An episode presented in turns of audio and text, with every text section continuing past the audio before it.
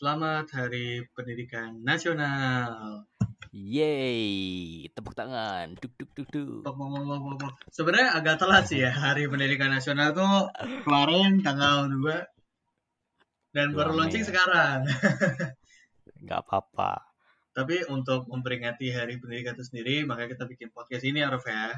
Bener banget di. Kita mengangkat kita mengangkat eh, topik pendidikan yang ada di Indonesia. Om Rof, menurut lo arti Hmm, pendidikan itu apa? Kalau menurut gua pribadi ya, pendidikan itu adalah sebuah proses pembelajaran bagi seseorang yang tentunya ada pengajarnya, entah itu offline atau online, dan itu bertujuan untuk mendapatkan sebuah pengetahuan atau ilmu baru bagi si orang yang belajar ini. Kalau dari gue sih itu. Oke. Kalau dari lo gimana nih? Lo mau gue jawab berdas- berdasarkan KBBI apa perspektif gue? Perspektif dong bro. Kalau KBBI kan gue bisa searching dari sekarang. Oh iya, oh iya. Gimana sih bapak? Oke. Menurut gue pendidikan itu bukan cuma sekolah atau kuliah, tapi Mm-mm. proses mengubah seseorang dari yang nggak tahu menjadi tahu. Which is Mm-mm. dengan gue membawa konsep itu, hal-hal negatif pun bisa menjadi sebuah pendidikan buat gue, buat menjadi umum buat gue. Mm-mm. Jadi eh, kenapa gue bawa konsep itu supaya gue berusaha untuk tidak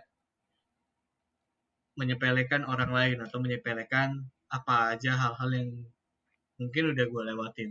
Sederhananya gini, tadi kan gue bilang bahwa hal negatif ternyata bisa menjadi sebuah pendidikan ya. Katakanlah gue naik Mm-mm. motor tengah malam, gue habis pulang kerja atau gue pulang kuliah, apa yang juga gue naik motor jam segitu ya.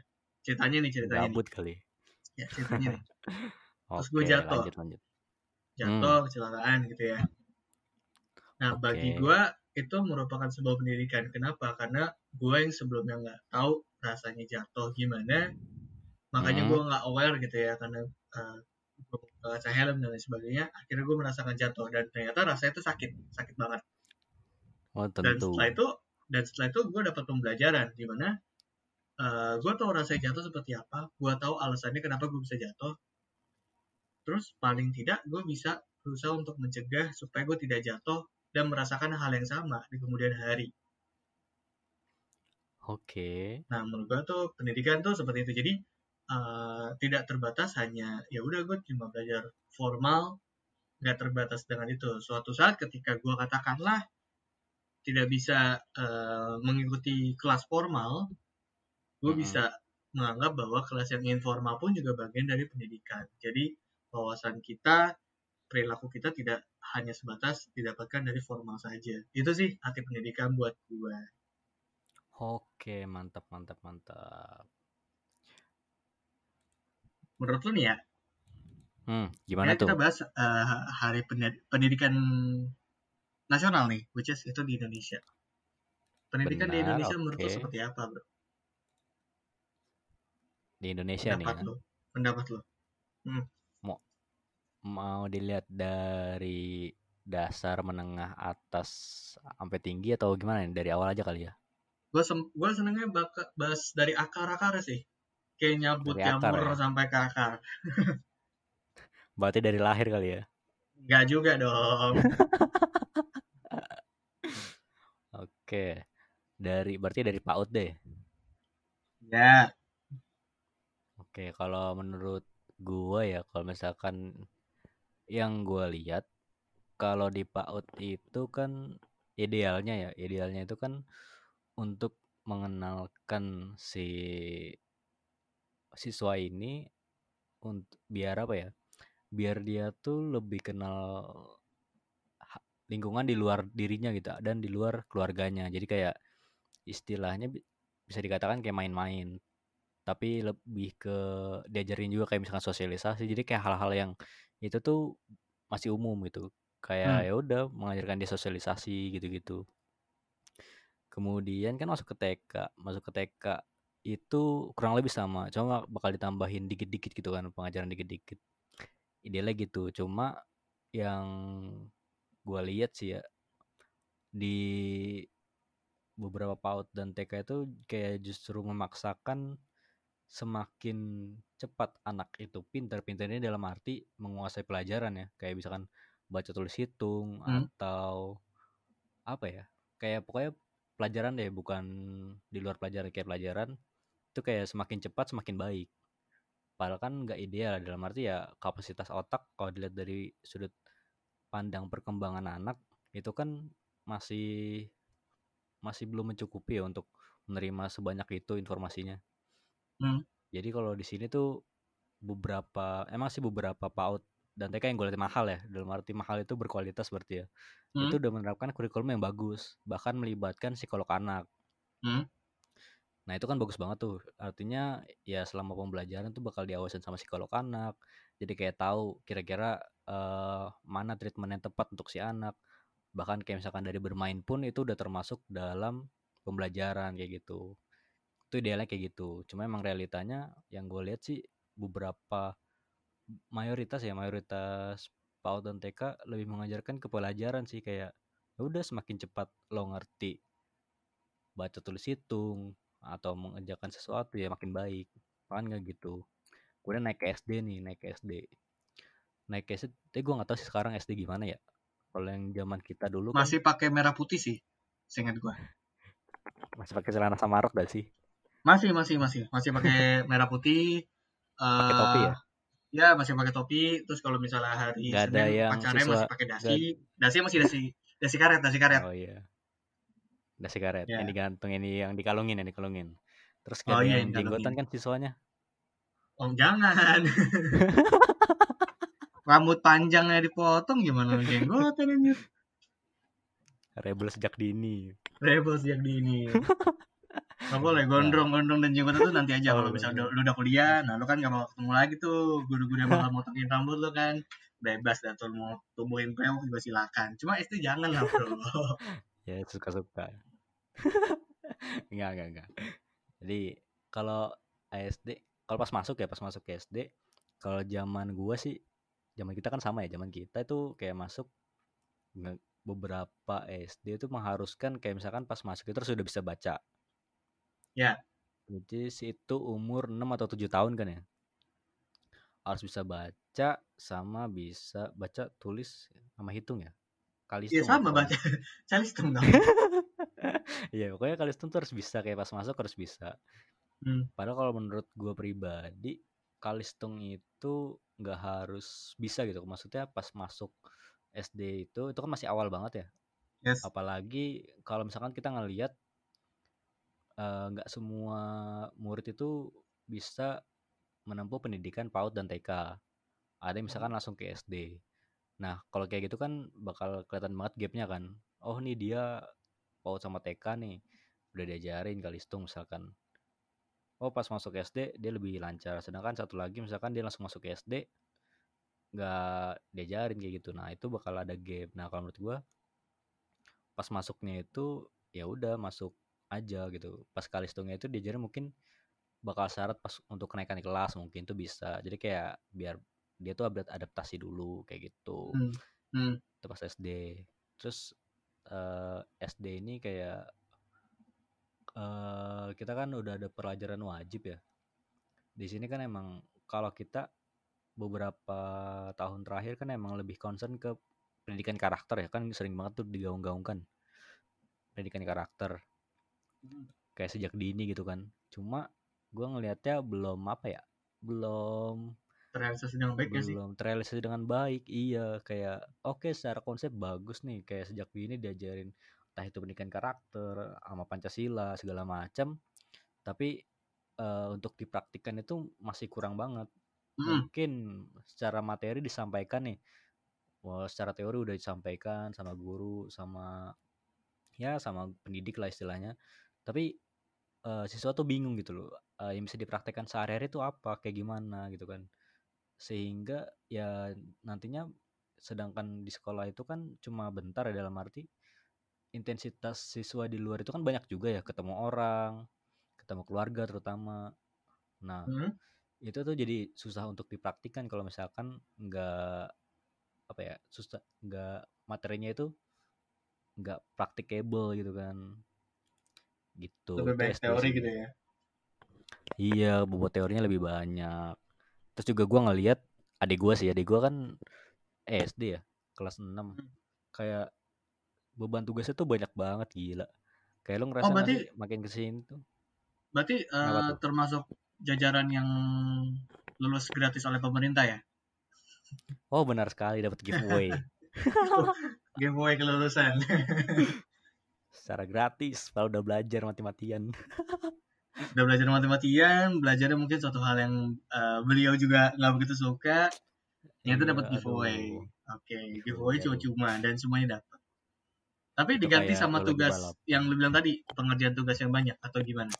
Banyak banyak banget. Kayak itu sebenarnya pengganti sebelum UN? apa bukan? Enggak enggak sih. Enggak pengganti UN Oke. jadi emang UN itu enggak ada. Ada kan ujian sekolah kan. Ujian sekolah biasa online. Nah kayak pakai Google Form gitu ujian serius lu? Itu ujian biasa sih tapi gue nggak tahu kalau ujian sekolah tuh gimana nanti. Oh. Itu yang lewat online. Nah sebelum ini aja sebelum semua online aja kayak eh, yang gue lihat dari adik gue tuh kerjaannya ya cuma buat apa ya cuma buat nugas aja gitu. Kayak waktunya dihabiskan untuk tugas. Jadi kayak balik sekolah masuk kelas balik kelas terus ngaji kayak gitu kan. Udah di terus rumah pun masih belajar. Masih belajar malamnya Hmm. gitu kan. Besok pagi Hmm. sekolah lagi bisa dah udah kayak hidupnya sibuk banget gitu kan daripada gue yang gabut gini kalah gue kesibukannya. Ya Terus- ada lu kalau disuruh bikin podcast nggak bisa karena nggak ada waktu ya beda sama lu. Iya sibuk dia. Aduh kalah gue nih. Jadi itu kayak gue ngerasa eh, bebannya tuh banyak banget gitu kan kayak mungkin kita masih orientasinya pada nilai ya walaupun emang udah beberapa usaha dicoba untuk mengurangi porsi nilai tersebut dipandang tapi tetap bakal terasa sih gitu kan. Kayak misalkan gini di apa ya dalam misalkan kalau dari angkatan kita itu kan dulu yang namanya UN itu kan menentukan kelulusan ya? Yes Nah, kalau makin sekarang kan makin ke sini tuh udah makin dihilangkan gitu kayak nilainya tuh udah nggak absolut gitu, nggak mutlak dipakai untuk Hmm. lulus gitu kan. Itu hal yang bagus. Terus juga mulai juga kayak nilai tuh nggak terlalu apa ya kayak sekolah dikasih otoritas untuk mengatur nilainya sendiri kayak misalkan dari US ujian sekolah itu kan dari sekolah sendiri kan.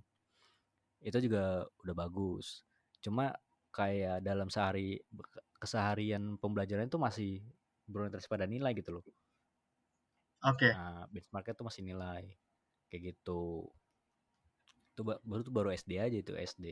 Terus SMP, SMP sih kalau idealnya ya udah mulai peminatan sih kayak lo mau ngapain gitu kan. Itu lo harus lebih dikencengin sih minimal ya minimal dikencengin. Karena Mhm. pas kalau gue ngerasain pas masuk SMP itu bingung kayak gue mau ngapain aja gue nggak tahu gitu kan. Apa Tapi emang cita-cita kita gue gitu. kita memikirkan hal itu bukannya ketika eh, SMP sorry maksud gua ketika kita memikirkan kita mau ngapain tuh bukannya baru di SMA ya which is SMP ya lu cuma nerusin aja gitu apa yang lu pelajarin di, di SD Hmm. bukan kayak memang Ah. seperti itu? Atau gimana? Gue nggak kalau yang lain nggak tahu ya tapi kalau gue itu kemarin mikirnya gitu sih. Kayaknya SMP yang mikir gua harus ngapain cuma lu doang sih. Makanya nggak salah kalau gua panggil om gua aja Sialan SMP gitu. gue aja SMP masih nggak mikirin gituan gitu masih mikir iya iya gue mikir masuk osis gimana caranya cuma nggak sampai mikir gue harus ngapain. Visioner banget kayaknya. Kayaknya emang aduh kayaknya emang gue tua terlalu dini kayaknya. Oke penuh tapi dini. bener ya anjay. Tapi bener gue pas lagi SMP tapi gue lupa sih kelas berapa kayaknya kelas 2 kelas 3 deh. Eh, gue tuh sering konsul ke guru kan kayak gue mau nanya eh, kira-kira kalau gue sukanya ini gue cocoknya masuk mana gitu kan. Apakah SMK apa SMA karena dua hal itu yang gue pikirin gitu kan. Karena duanya itu keduanya tuh berseberangan gitu dengan tujuan yang berbeda kan. Kayak gue nanyain kayak gitu. Ah, untuk SMP kalau gue sih menyarankannya idealnya ya SMP itu kayak ada minimal tes minat bakat yang komprehensif gitu. Kayak nggak cuma tahu lo mau ngapain maksudnya apa ya kayak secara umum gitu enggak tapi kayak lebih jelas gitu loh. Mhm. kira-kira eh lo sukanya di bidang mana? Karena kan itu bakal membantu untuk bukan secara langsung menemukan jati diri tapi lebih membantu kira-kira kita mau apa gitu kan. Walaupun emang terlalu dini sih tapi untuk pembukaan aja sih. Maksudnya seenggaknya ada gambaran gitu kan. Seenggaknya bisa kelas 3 SMP mungkin pas setelah UN gitu. Itu pas SMP sih terus pas SMA. SMA SMA SMK SMA SMK ini keduanya itu kan kalau gue SMK kan ya padahal gue minatnya SMA sih sebenarnya tapi gue kejeblosnya ke SMK Ya udah. Nah. Iya iya iya. Siap. di SMK ini sebenarnya udah bagus sih kan gue pakai sudut pandang SMK aja kali ya ntar lo lengkapin sudut pandang SMA ya Oke. kalau dari SMK sendiri gue ngerasanya kan emang pakai kurikulum perusahaan gitu kan. Kurikulum perusahaan itu eh perusahaan lagi perusahaan ke perasaan sih? Perusahaan itu bagus banget. dong. jadi jadi pas lulus langsung diserap sama industri kan. Itu bagus. Cuma yang gue ngerasain masih agak kurang di bagian soft skill sih walaupun emang ada BK kan. Ada Mhm. BK terus ada konseling rutin. Maksudnya buat minatnya gimana kayak eh, kendalanya apa itu masih kurang gitu kan. Kayak buat memetakan diri mau ngapain tuh susah. Apalagi kayak orang-orang yang mau kuliah tuh di nomor dua kan gitu kan. Untuk memetakan hidupnya gitu. Susah banget kayak selama bimbingan BK aja kebanyakan bukan kebanyakan sih, bah- bahkan hampir semuanya tuh untuk diarahkan ke dunia kerja. Padahal kan nggak gitu. Sebagai anak-anak rebel kan gue kan pengennya kuliah gitu kan. Harusnya difasilitasi kan. udah tapi lucu dari SMP tuh udah berpikir lu mau jadi apa ternyata di SMA keputusan keputusan lu salah lu masalah masuk jurusan gitu kan. Yang SMA jadi SMK panjang itu kalau ceritain ntar aja oh iya iya oke selanjutnya. episode selanjutnya. Nah kalau menurut gue SMK itu emang bagus. Cuma eh, yang gue ngerasain ada gap gap antara kurikulum yang diajarin di SMK sama yang di perusahaan. Kayak misalkan maksudnya tuh eh, apa yang diterapkan di perusahaan sometimes beda dengan apa yang di SMK iya padahal kurikulumnya udah disesuaikan nih. Secara umum memang benar Heeh. disesuaikan tapi untuk diterapkan itu kayak masih agak jauh gitu loh. Misalkan dari segi fasilitas misalnya fasilitas di SMK kalau SMK gua bersyukur sih udah termasuk lengkap ya dari yang tradisional sampai yang digital itu udah ada semua. Cuma beberapa SMK itu kayak belajarnya tuh entah itu tradisional doang kayak yang cara-cara lama doang. Padahal industri itu udah maju banget udah pakai AI di udah pakai chip udah pakai prosesor kan di mobil.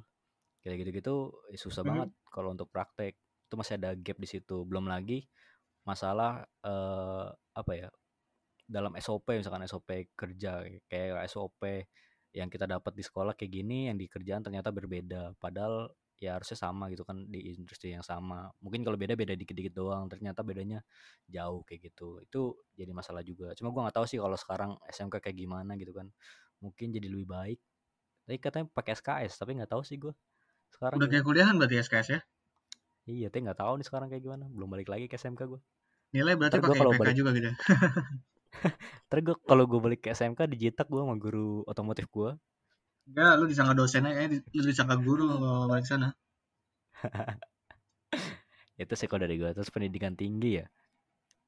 Pendidikan tinggi ini kalau menurut gua paling dari segi cara masuk kali ya. Mhm. pas cara masuk.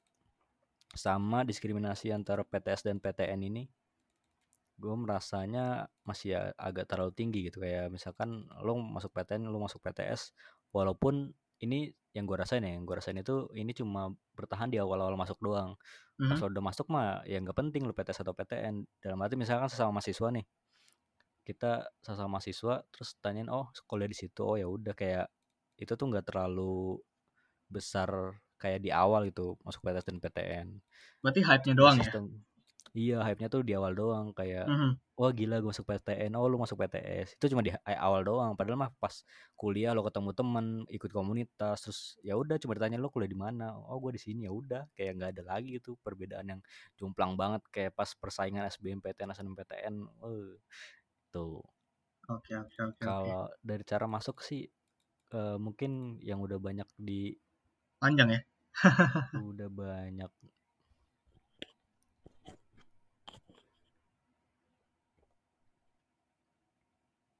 Woi, suara lu hilang. Ntar ada ya ini lagi tadi glitch. Udah banyak yang ini kan kayak revisinya tuh dan sarannya udah banyak kan kayak buat SBM, Aha. dibikin satu pintu. Terus juga sekarang kan udah sistemnya udah berubah kan. Ya sistem Ya, SBM Sistem penerimaannya apa apanya? penerimaannya, penerimaan. Yes. Penerimaan negeri, penerimaan negeri udah mulai berubah kan jadi LTPMT. Terus itu udah ke arah yang baik sih kalau menurut gue biar ideal. Kayak tes yang setahun bisa berapa kali juga udah bagus kayak biar kasih kesempatan gitu loh. UTBK kalau nggak salah kalau ya. gagal iya kalau udah Iya, gagal tuh nggak harus nunggu tahun depan gitu kan Mm. kan capek pak itu sih kalau dia kalau lulus ini sampai lulus nggak nggak usah lah ya Ya terserah. lu mau sampai kerja juga terserah.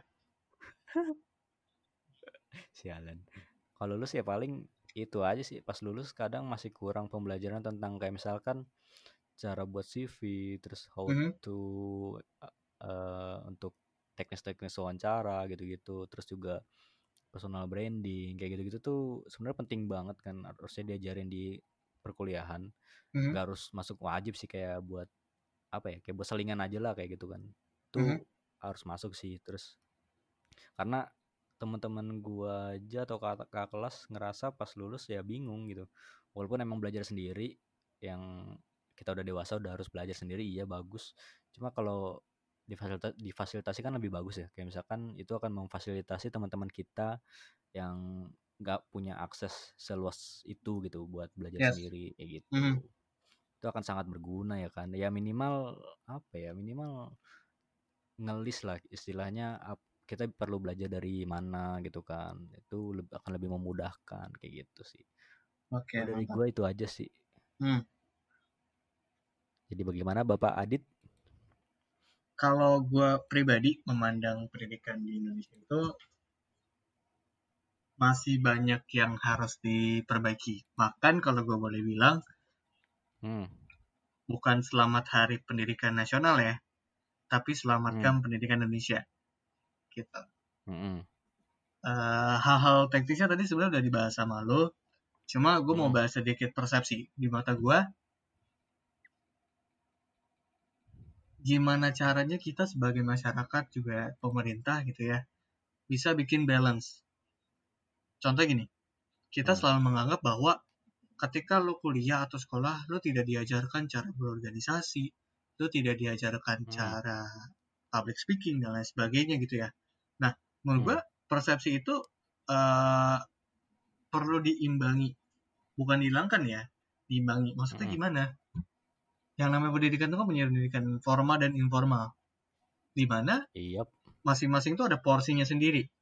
Pendidikan formal lo Hmm. akan membahas eh, lebih kepada teknisnya, misalnya kayak bahas teorinya, kayak bahas apa namanya template ya, templatenya, teorinya, terus eh, analisanya Benar dan lain sekali. sebagainya itu seperti apa. Nah, tapi kan itu pasti kurang. Di mana lo akan pelajari itu di pendidikan informal. Informal tuh apa? Lebih kepada prakteknya, misalnya kayak praktek lapangannya bekerja, organisasi, Hmm. lo kerja di event, lo jadi WO atau misalnya jadi MC dan lain sebagainya. Teman bermain, sepermainan, di mana lo belajar bersosialisasi dengan baik, gitu kan? benar Nah, Ah. menurut gua ini yang kurang digaungkan. Jadi seakan-akan ilmu kita berinteraksi dengan orang lain, ilmu kita harus bisa memiliki public speaking yang baik. Seakan-akan tuh harus dipelaj- diajari di pendidikan formal, padahal menurut gua enggak gitu. Harus bisa balance. Kita tidak perlu Iya. mengatakan bahwa semuanya harus dipelajari oleh pendidikan formal. Ya menurut gua sih enggak, karena gue yakin semuanya punya basisnya masing-masing. Gimana cara lo bisa balance gitu ketika pendidikan formal bisa lo bagusin, ya pendidikan informal juga bisa lo bagusin. Gimana caranya? Misalnya eh, yang bagus kan sekarang udah banyak program dari pemerintah gitu ya, terus juga eh, banyak organisasi juga bertebaran, relawan dan lain sebagainya. Nah itu yang harus Hmm. disupport juga oleh pemerintah dan juga buat dari eh sorry maksudnya disupport dari pemerintah dan juga kita sendiri sebagai masyarakat yang berpendidikan gitu, pengen mencari ilmu, pengen menjadi orang yang terdidik. Bukannya kita Hmm. menyalahkan Anda uh, tidak perlu kuliah karena uh, kuliah itu tidak mengajarkan A B C D. Ya, enggak juga. Karena balik lagi kita tuh masih suka ngeblaming orang lain atas keputusan yang mereka pilih gitu. Padahal sebenarnya kita, kita cuma ya. perlu ngebalancein aja sih. Itu kalau dari segi persepsi ya. Menurut gue masih banyak orang yang masih menyalahkan salah satu persepsi atau misalnya salah satu pihak. Kedua hmm. adalah uh, menurut gue pendidikan kita itu harus dicari akarnya. Karena menurut gue segala bentuk upaya yang dilakukan menurut gue masih belum menyentuh akarnya. Contohnya, ketika lu merasa bahwa uh, jam belajar anak SD ya tadi lu bilang semakin berat dan lain sebagainya, hmm. tujuannya adalah supaya anak itu menjadi pintar katakanlah gitu. Nah, hmm. menurut gue ini belum menyentuh akarnya gitu. Lu misalnya mau bikin anak ini pintar, lu harus tahu dulu akarnya. Akarnya apa? Misalnya dia sukanya apa? Dia sukanya gambar, dia sukanya nari, dia sukanya apa? atau memang dia suka memang suka pelajaran formal ya kayak matematika mafiki maaf matematika mm. IPA kalau di SD kan nggak ada fisika kimia itu iya, masih yeah, matematika IPA atau matematika IPS harusnya di situ nah bagaimana caranya supaya lo tahu dia bakatnya di mana berarti dari SD kan harus ada katakanlah yang lo bilang tadi program khusus mengenai keterampilan diri. Bukan cuma masuk ke iya. pelajaran seni habis itu dipelajarin dalam satu pelajaran selesai gitu. Menurut gua nggak bisa seperti itu. Nah gua nggak ngerti ke, uh, kenapa belum bisa dijalankan. Cuma menurut analisa gua adalah selama pendidikan kita belum bisa merata hal itu akan sulit untuk dilakukan. Karena kepala satu kepala dengan ke, isi kepala yang lain tentunya berbeda -hmm. kenapa nggak bisa diterapkan di uh, program pendidikan nasional? Mungkin menurut gue itu. Misalnya lo pengen menerapkan kebijakan karakteristik gitu ya. Mm-hmm. di mana pada saat di sekolah dasar lo harus bisa mencari tahu murid lo tuh sukanya apa. Niat lo bagus. Tapi ternyata ketika sampai ke level yang paling dekat dengan si siswa itu yakni guru dan kepala sekolah sendiri ternyata banyak disruption dan akhirnya berbeda maknanya Contoh sederhananya K13. Ini gue langsung lompat ya ke SMA ya, karena gue gak akan ngejabarin dari SD, SMP. Pokoknya gue bahas uh, menurut gue aja. Okay. Contoh ke K13. Niatnya K13 itu adalah pengen bikin orang itu mandiri, siswa itu mandiri. Mandiri. Tapi bukan iya. berarti ditinggalkan oleh guru. Guru katakanlah sebagai pengarahnya, GPS-nya. Kita yang tahu kita mau ke mana kita yang berusaha untuk mengaktifkan GPS tersebut. Kita tulis tujuannya kita lihat arah-arahnya dan lain sebagainya. Nah ketika kita berjalan kita kan nggak akan selalu melihat GPS itu kan? Apalagi kalau lagi berkendara. nah di situlah GPS itu akan bekerja. Misalnya dia mengarahkan belok kiri belok kanan. Nah menurut gua fungsinya guru tuh di situ. Jadi kita tahu kita mau ke mana kita tentukan yang kita mau guru yang mengarahkan menuntun supaya kita tuh berhasil sampai ke tempat yang kita mau, ke tujuan yang kita pengen capai.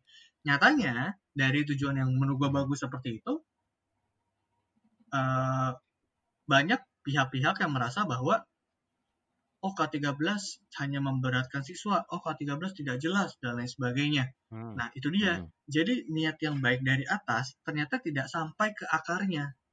Atau paling tidak ke tingkat yang paling dekat, ya, ya paling dekat dengan siswa itu sendiri. Karena balik lagi ketika setiap kebijakan pendidikan itu dibuat ya yang harus melaksanakan tuh bukan dari misalnya dari menterinya langsung ngomong ke siswa enggak. Tapi bagaimana enggak. itu bisa sampai ke guru dan guru itu bisa menerapkannya dengan baik. Makanya akarnya tuh harus disentuh. Apa akarnya? Misalnya tenaga pengajarnya. Harus ada pelatihan hmm. harus ada apa dan uh, pelatihan itu gak cuma sekedar simbolis dalam arti kumpulkan guru dalam satu ruangan besar, forum guru sejabodetabek misalnya gitu ya, atau sejauh barat. yeah. Melatih diri hanya sekali dua kali selesai, atau misalnya hanya mengirim perwakilan kepala sekolah, terus abis itu selesai. Karena karena uh, ketika ada perwakilan pun yang misalnya kembali ke sekolah dan mengajarkan belum tentu sama gitu. Jadi memang harus ada sistem tersendiri yang bisa mengatur itu. Jadi bukan kita capek-capek ngegodok siswanya untuk bisa begini bisa begitu, tapi tenaga pengajar yang mungkin bisa kita ubah. Nah menurut gua itulah mengapa terkadang sekolah swasta kayak misalnya SD internasional, SMP nasional, SMA internasional, atau bahkan perkuliahan internasional, cenderung lebih bisa melihat potensi dari siswa-siswinya. Iya nggak sih? Pendapat gue ya. Bener Apalagi yang diajar, apalagi yang diajarkan terkadang juga berbeda banget sama yang di SD, eh, SD SMP, SMA pada umumnya. Karena itu mungkin controlling mereka ke guru tuh ya jaraknya yang membuat kebijakan adalah kepala sekolah atau yayasan. Turun ke apa namanya ke guru itu tidak jauh jaraknya. Makanya itu bisa diterapkan. Dan yang masuk di sana pun penyaringannya ketat. Harus orang-orang yang memang mempunyai potensi terbaik. Bukan cuma mengajar tapi bisa mendengarkan dan juga memahami orang lain terutama anak-anak gitu kan anak didiknya. Betul. makanya bisa dilakukan. Hal itu bisa dilakukan. Nah menurut gua kalau memang ada contoh yang baik dari sekolah swasta itu coba diterapkan di sekolah negeri. Karena kalau misalnya akar akarnya kita tidak sentuh dari tenaga pengajar kita tidak sentuh kita cuma bolak-balik aja mau merubah kurikulum di mana gurunya cuma begitu-gitu aja susah. Dan menurut gua pendidikan kita baru berubah pada saat pandemi seperti ini jujur aja. Oh, selama ini diterapkan orang ya selama ini diterapkan online misalnya UTBK online atau misalnya UN online atau misalnya pengajaran mandiri gitu ya tapi belum berhasil sejauh ini. Tapi ketika dihadapkan dengan suatu, su- eh, situasi di mana kita memaksakan untuk belajar di rumah akhirnya guru mau tidak mau belajar cuy. Belajar merekam belajar menggunakan internet yang selama ini mereka menyangkal diri mereka tidak bisa ketika ada suatu paksaan seperti ini akhirnya mau nggak mau bisa dan akhirnya berjalan dengan baik kan Mm-mm. murid inisiatif untuk uh, Walaupun butuh standby pada saat ya. waktu pelajaran yes dan guru juga secara secara nggak tahu tiba-tiba bisa gitu untuk melakukan itu nah menurut gua apakah harus seperti itu terus untuk mengubah pendidikan kita apakah harus dengan cara uh, Dipaksa. ada hal yang sebuah keterpaksaan yang harus dilakukan baru bisa. Nah, itu kan sebenarnya tidak harus seperti itu, gitu. Jadi menurut gua Mm-mm. pendidikan kita, menurut gua tujuannya itu sudah sudah baik. Bahkan aturannya pun sudah tertuang jelas.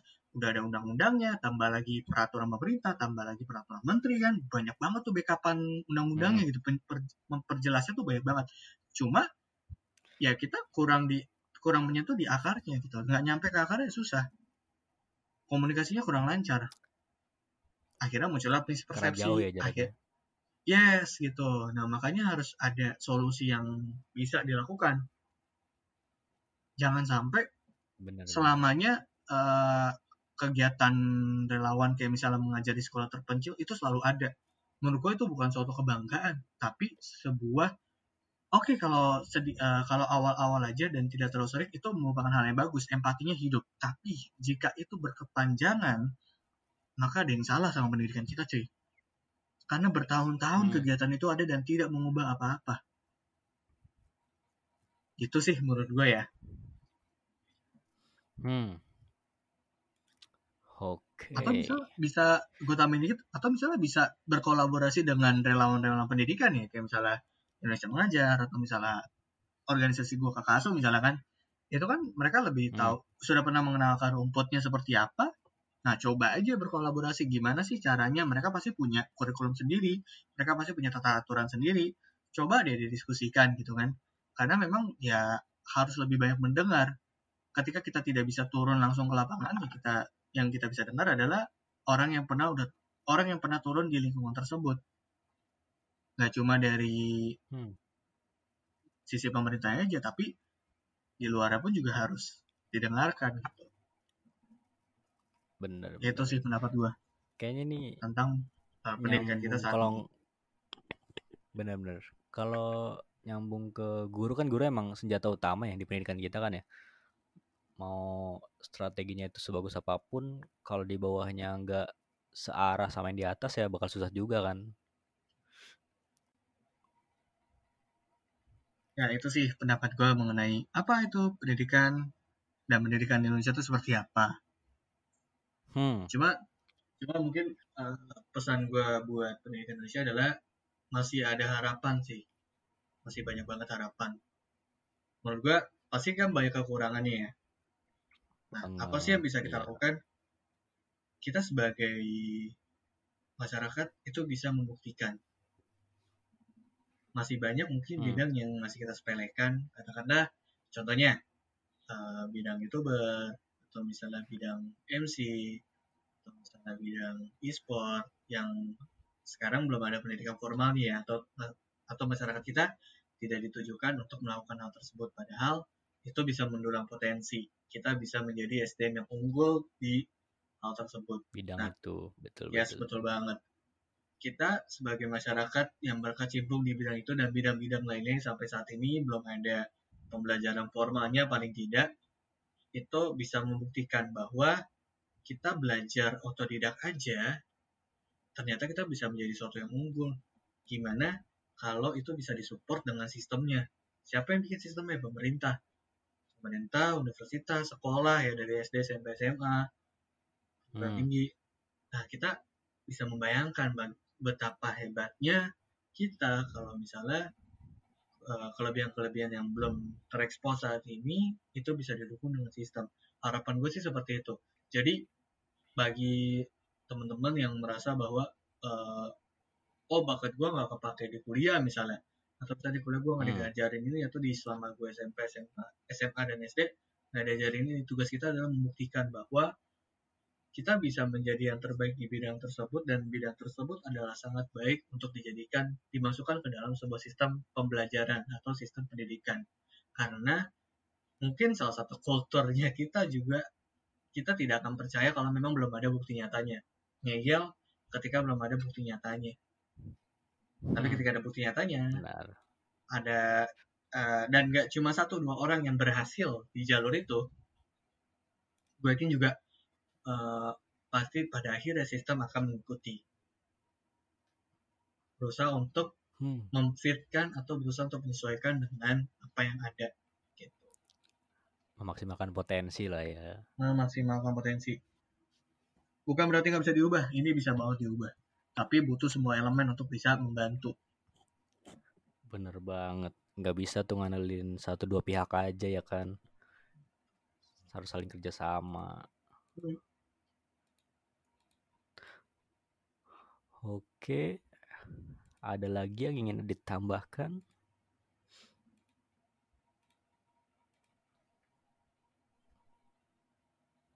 Enggak. Jadi langsung ke kesimpulan aja kali ya. Ya lu gimana pendapat lu? pendapat gue sih emang bener ya kalau yang namanya guru itu kan istilahnya senjata utama ya kan di pendidikan kita. Kalau misalnya uh, dari segi SDM-nya guru udah bagus banget, terus juga udah sesuai dengan harapan, dengan strategi yang udah dibuat, itu akan sangat berpengaruh ke siswa gitu, impactnya besar. Mungkin lo pernah denger yang namanya guru penggerak yang digadang-gadang oleh Mas Menteri. Yes.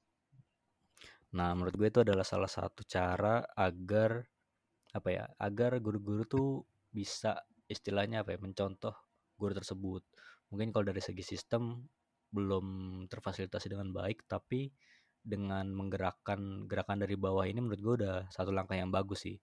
Yes, Jadi kayak nggak perlu selama ini kan uh, alurnya itu kan selalu dari atas ke bawah kan. Mm -hmm. Dan itu istilahnya kayak lo nuangin air dari atas terus banyak batu sampai bawah tuh tinggal tetesan doang nah ketika buat dari bawah untuk masing-masing sekolah itu istilahnya punya guru penggerak gitu kan udah punya salah satu contoh lah ini guru bagus nih itu kan pengajarnya bagus siswa suka pelajarannya masuk istilahnya win-win solution kan semua senang gitu kan itu adalah sebuah langkah yang bagus untuk istilahnya menjadikan dia sebuah contoh, menjadikan guru tersebut untuk dicontoh oleh guru lain gitu. Tapi dengan catatan jangan sampai jadi besar hati ya. Benar sekali. Betul, sebagai pribadi yang baik untuk bisa menjadi contoh buat orang lain, tapi jangan sampai besar hati. itu bahaya tuh kalau besar hati tuh repot ya. Yo, iya harus bisa membumi. Benar sekali. Seperti per, apa seperti peribahasa seperti padi semakin berisi semakin gendut. Gendut, gendut aja. Ya, akhir kata selamat Hari Pendidikan Nasional, selamatkan pendidikan Yay. Indonesia. Yeay. Yeay. Tepuk tangan. Duk duk duk duk udah. Thank.